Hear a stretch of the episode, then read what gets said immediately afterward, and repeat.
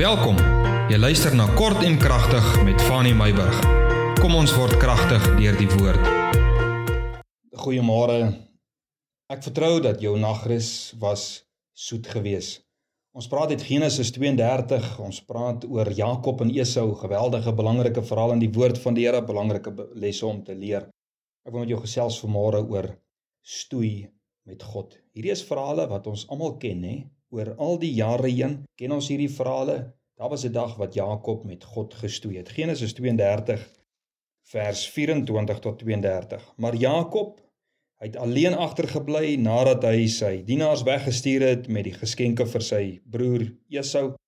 Jakob het alleen agtergebly en hy het gaan slaap. En 'n man het met hom geworstel tot dagbreek. En toe hy sien die man met wie hy worstel, nê, toe hy sien dat hy hom nie kon oorwin nie, slaan hierdie engel, hierdie man van God, slaan hy vir Jakob op sy heupbeen sodat die heupbeen van Jakob uit lid geraak het in die worsteling met hom. Toe sê hierdie engel, hierdie man van God, toe sê hy vir Jakob, hy sê laat my gaan want die dag het gebreek. Dis besig om dag te word, dis besig om ligdag te word. Maar Jakob antwoord, hy sê ek sal u nie laat gaan nie tensy dat u my seën. En hy vra hom, "Hoe is jou naam?" En hy antwoord, "Jakob." Toe sê hy, "Jy sal nie meer Jakob genoem word nie, maar Israel, want jy het geworstel met God en met die mense en het oorwin." Daarop vra Jakob en sê, "Maak tog u naam bekend." En hy antwoord, "Waarom vra jy tog na my naam?" En hy het hom daar geseën. Toe noem hy die plek Peniel want hy het gesê ek het God gesien van aangesig tot aangesig en tog is my lewe gered. Jakob stoei met God want Jakob soek die seën van die Here. Dis wat hy vir hom gesê het. Hy sê ek sal u los as u my geseën het. Seën my nie en ek los u nie. So eenvoudig soos dit. Dis nou nog voordat hy sy broer ontmoet het, nê? Onthou hy's nog op pad om by sy broer uit te kom waar ons die afgelope 2 dae gesels.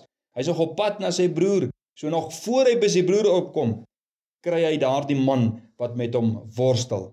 Nou ek glo vas dat God Jakob se stryd vir hom geveg het tussen hom en sy broer. Hoekom sê ek so? Ek glo God het Jakob se stryd vir hom geveg tussen hom en sy broer. Ek sê dit want Spreuke 16 vers 7 sê: As die Here behaag het in die weë van 'n man, dan laat hy selfs sy vyande met hom vrede hou. Is jy wakker?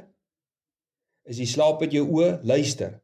As die Here behaag het in die weë van 'n man of 'n vrou, dan laat God selfs jou vyande met jou vrede hou. Hoor jy wat sê die woord van die Here? Jy sal sien dat Jakob nie sy broer gaan smeek het om vergifnis of dat hulle eers gebaklei en geridikabel het nie. Nee, die dinge het vlot verloop. Ek wil die volgende stelling maak. Ek hoop jy sou mooi wakker om te hoor wat ek wil sê. Stoei met God vir een nag of stoei met jou vyande vir altyd. Jy gehoor wat ek sê? Stoei met God vir eendag of stoei met jou vyande vir altyd. Jakob was so desperaat oor die seën van die Here. Hy was desperaat oor die seën van die Here dat hy besluit het almal kan teen my wees, maar as God aan my kant is, is ek reg. Die seën van die Here was vir hom belangriker as die seën van mense of van iets anders of die seën van die grond of van die diere wat hy besit. Jakob se lewensantwoord het gelê by sy God. Punt. Geen twyfel of ongeloof. God is my antwoord. God is die een wat my gaan seën. Wie wat wil ek vanmôre vir jou sê? Gaan stoei jou sake met God uit voor jy jou vyand aanvat. Die seën van die Here is kragtiger as jou vyande. Die seën van die Here werk in harte van mense tot jou voordeel. Die Here stry jou sake vir jou. Jy weet Jakob moes sy verpligting nakom. Hy het gegaan met die geskenk. Maar God het die stryd gestry. Weet jy wat? Ons baklei te veel met mekaar en stoei te min met God oor sake. Ek wil dit weer sê.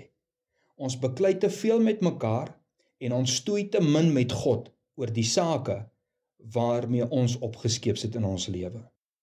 Weet jy dit het tyd geword dat ek en jy God sal vasgryp oor ons lewens en oor sake in ons lewens.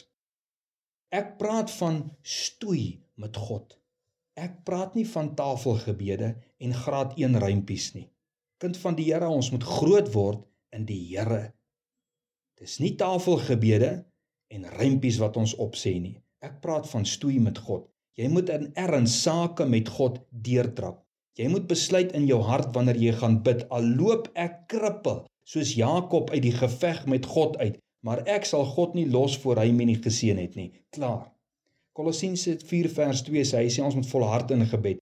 Daniël 9 vers 3 dan wil sê ek het my aangesig tot die Here God gerig om dit vas en in rou kleed en in as my aan gebed en smeking te wy. Hierdie man was ernstig met sy God oor sy sake. Efesiërs 3 vers 14 sê Paulus hy sê ek buig my knieë voor die Vader van ons Here Jesus Christus kind van die Here, al wat ek vir jou vanmôre wil sê is gryp God vas. God sal jou saak vir jou stry. Alles wat mooi is, seën van die Here môre.